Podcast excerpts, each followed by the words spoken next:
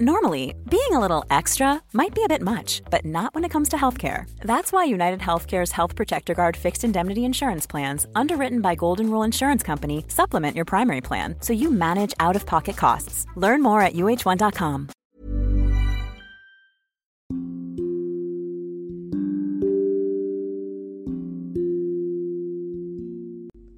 Hai, terima kasih sudah mengunjungi dan hendak mendengarkan podcast Dongeng Tidur.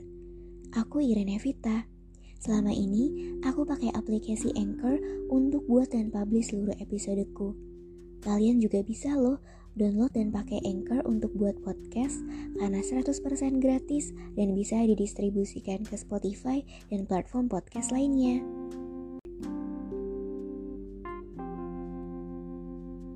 Selamat mendengarkan Timun Mas Part 2. Semoga lekas tidur dan bermimpi indah. Setelah mendapat biji timun dari sang raksasa, Mbok Srini pun memiliki seorang putri yang cantik, pintar, dan berperangai baik yang ia namai Timun Mas. Namun saat dewasa, Mbok Srini harus menyerahkan putrinya itu untuk menjadi santapan sang raksasa sesuai dengan janjinya. Ia terlanjur sudah sangat menyayangi putrinya. Mbok Srini tidak rela berpisah dengan putrinya itu. Namun ia tak tahu harus berbuat apa. Timun Mas melihat kegundahan ibunya dan ia pun bertanya. Akhirnya, Bu Srini menceritakan asal-usul Timun Mas dan janjinya pada sang raksasa. Timun Mas juga tidak ingin berpisah dengan ibunya dan ia juga tidak ingin menjadi santapan raksasa. Bos Rini pun mendapat ide. Ia beralasan pada sang raksasa bahwa putrinya itu sakit dan tidak akan enak rasanya agar bisa meminta waktu tiga hari. Namun kini ia kembali bingung apa yang sebaiknya ia lakukan untuk menyelamatkan putrinya Timun Mas. Tiba-tiba ia teringat cara yang menurutnya dapat menyelamatkan putrinya itu. Bu Srini meminta bantuan kepada seorang pertapa yang tinggal di sebuah gunung. Maka ia berkata pada Timun Mas, Anakku, besok pagi-pagi sekali ibu akan pergi ke gunung untuk menemui seorang pertapa. Dia adalah teman almarhum suami ibu. Barangkali dia bisa membantu kita untuk menghentikan niat jahat raksasa itu. Ucap Bu Srini. Benar bu, kita harus membinasakan raksasa itu. Timun tidak mau menjadi santapannya. Imbuh Timun Mas. Keesokan harinya, pagi-pagi sekali, Bu Serini pergi ke gunung itu. Setibanya di sana, ia langsung menemui pertapa itu dan menyampaikan maksud kedatangannya. Maaf Tuan Pertapa, maksud kedatangan saya kemari ingin meminta bantuan kepada Tuhan. Ucap Bu Srini. Apa yang bisa aku bantu Bu Srini? Tanya pertapa itu. Bu Srini pun menceritakan masalah yang sedang dihadapi putrinya. Mendengarnya, sang pertapa kasihan dan bersedia membantu. Baiklah, kamu tunggu di sini sebentar. Seru sang pertapa sambil berjalan masuk ke dalam ruang rahasianya. Tak berapa lama kemudian, sang pertapa kembali sambil membawa empat buah bungkusan kecil, lalu menyerahkannya pada Mbok Srini. Berikanlah bungkusan ini pada anakmu. Keempat bungkusan ini masing-masing berisi biji timun, jarum, garam, dan terasi. Jika raksasa itu mengejar putrimu, suruhlah ia sebarkan isi bungkusan ini ucap sang pertapa menjelaskan. Saat pulang, Bu Srini memberikan keempat bungkusan berisi biji timun, jarum, garam, dan terasi itu pada Timun Mas. Ia menjelaskan pada Timun Mas sesuai dengan apa yang diucapkan oleh sang pertapa.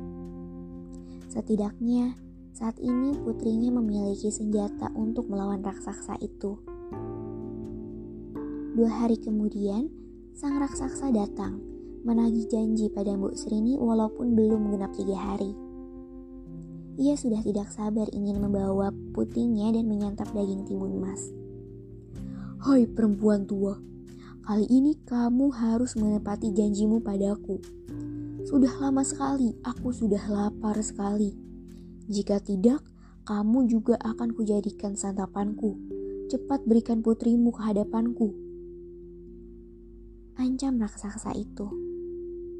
Bu Srini sudah tidak gentar lagi menghadapi ancaman sang raksasa. Dengan tenang, Bu Srini memanggil Timun Mas agar keluar dari dalam rumah. Tak berapa lama, Timun Mas pun keluar lalu berdiri di samping ibunya. Timun Mas sedih karena harus berpisah dengan ibunya.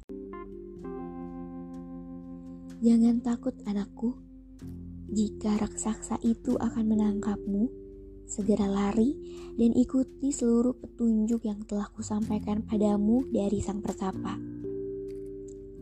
Ucap Mbok Serini pada Timun Mas. Baik bu, jawab Timun Mas.